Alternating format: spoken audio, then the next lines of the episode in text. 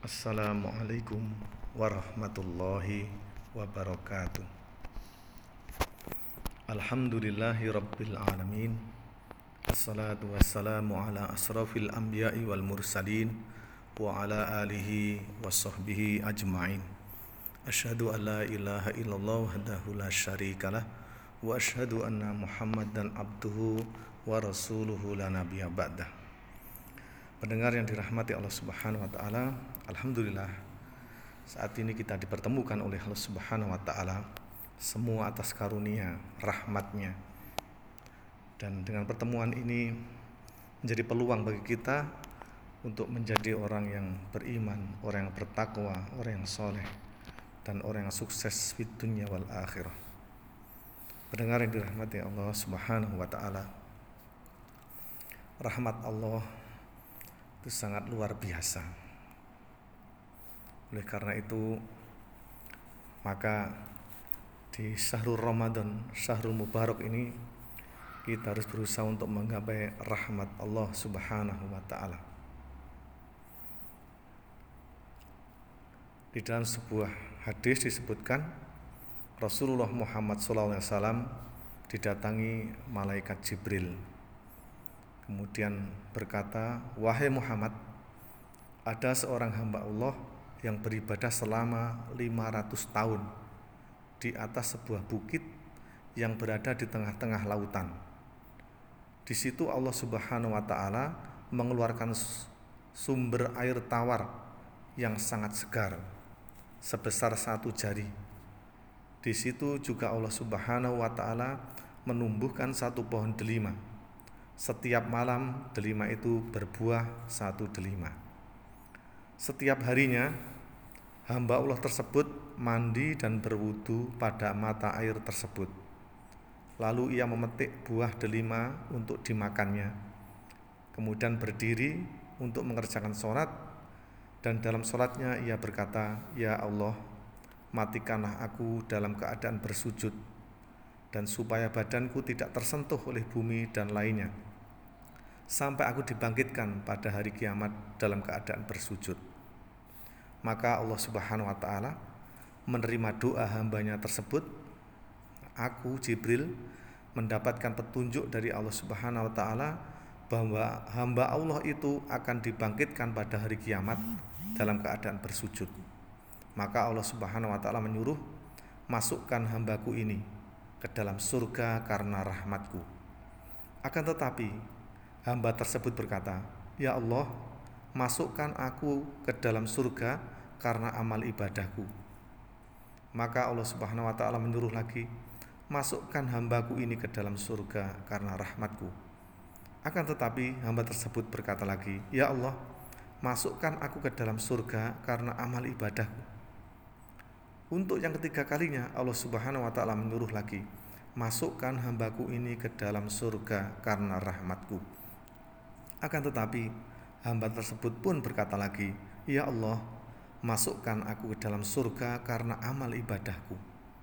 Maka Allah Subhanahu wa taala menyuruh malaikat agar menghitung seluruh amal ibadahnya selama 500 tahun dengan nikmat Allah yang telah diberikan kepadanya. Setelah dihitung-hitung, ternyata kenikmatan Allah Subhanahu wa taala tidak sebanding dengan amal ibadah hamba tersebut selama 500 tahun. Maka Allah Subhanahu wa taala berfirman, "Masukkan ia ke dalam neraka." Maka ketika malaikat akan menariknya untuk menjebloskan ke dalam neraka, hamba tersebut berkata lagi, "Ya Allah, masukkan aku ke dalam surga karena rahmatmu."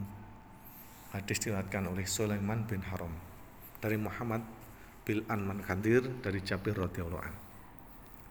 Pendengar yang dirahmati Allah Subhanahu wa taala, dari hadis ini kita dapat melihat bagaimana kalau kita mengandalkan pahala yang kita tumpuk, yang kita raih, yang umur kita mungkin ibadah yang kita lakukan mungkin tidak lebih dari 50 tahun, bahkan 40 tahun, bahkan mungkin hanya 30 tahun, bahkan mungkin hanya beberapa tahun. Terus dibandingkan nikmat dan karunia Allah yang diberikan kepada kita, masih minus, masih lebih banyak nikmat yang diberikan Allah kepada kita. Oleh karena itu, maka yang bisa memasukkan surga kita itu karena rahmat Allah Subhanahu wa taala.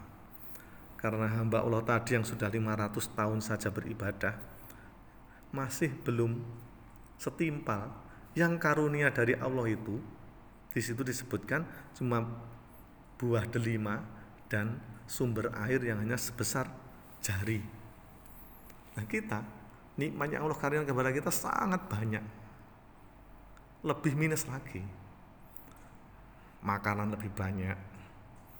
Air juga banyak. Buah-buahan, kalau air juga banyak susu dan lain sebagainya. Kendaraan, rumah, jauh. Lebih minus lagi ibadah kita sementara hanya beberapa tahun. Oleh karena itu maka pendengar dirahmati Allah Subhanahu wa taala, kalau kita mengandalkan pahala kita tidak sebanding maka rahmat Allah lah yang kita harapkan. Oleh karena itu maka mari di syahrul Ramadan ini bulan yang penuh berkah yang di 10 hari yang pertama itu rahmat Allah akan turun. Walaupun sebenarnya selama 30 hari itu selama satu bulan penuh itu sebenarnya rahmat Allah. Karena makfirah itu juga rahmat Allah karena pembebasan neraka juga rahmat Allah. Mari kita bina cinta kita kepada Allah agar Allah mencintai kita dekat dengan kita kemudian merahmati kita sehingga fitunya kita mendapatkan rahmatnya berupa petunjuk, berupa rezeki, berupa penjagaan, perlindungan, bantuan dan sebagainya dan nanti di akhirat kita juga akan mendapatkan rahmat berupa surganya Allah Subhanahu wa taala. Tapi juga jangan salah paham. Kita berbanyak amal ibadah tujuannya ya juga untuk mendapatkan rahmat Allah itu agar kita lebih dicintai karena kita lebih taat kita juga meninggalkan yang dilarang dan semoga dengan banyak pahala itu pula nanti kedudukan kita di surga kita juga lebih tinggi dari yang lain. Semoga Allah Subhanahu wa taala memberikan bimbingan dan petunjuk kepada kita sehingga kita senantiasa dalam rahmatnya dan semoga nanti di akhir hayat kita dalam kondisi husnul khotimah yang terbaik. Kurang lebihnya saya mohon maaf. Wassalamualaikum warahmatullahi wabarakatuh.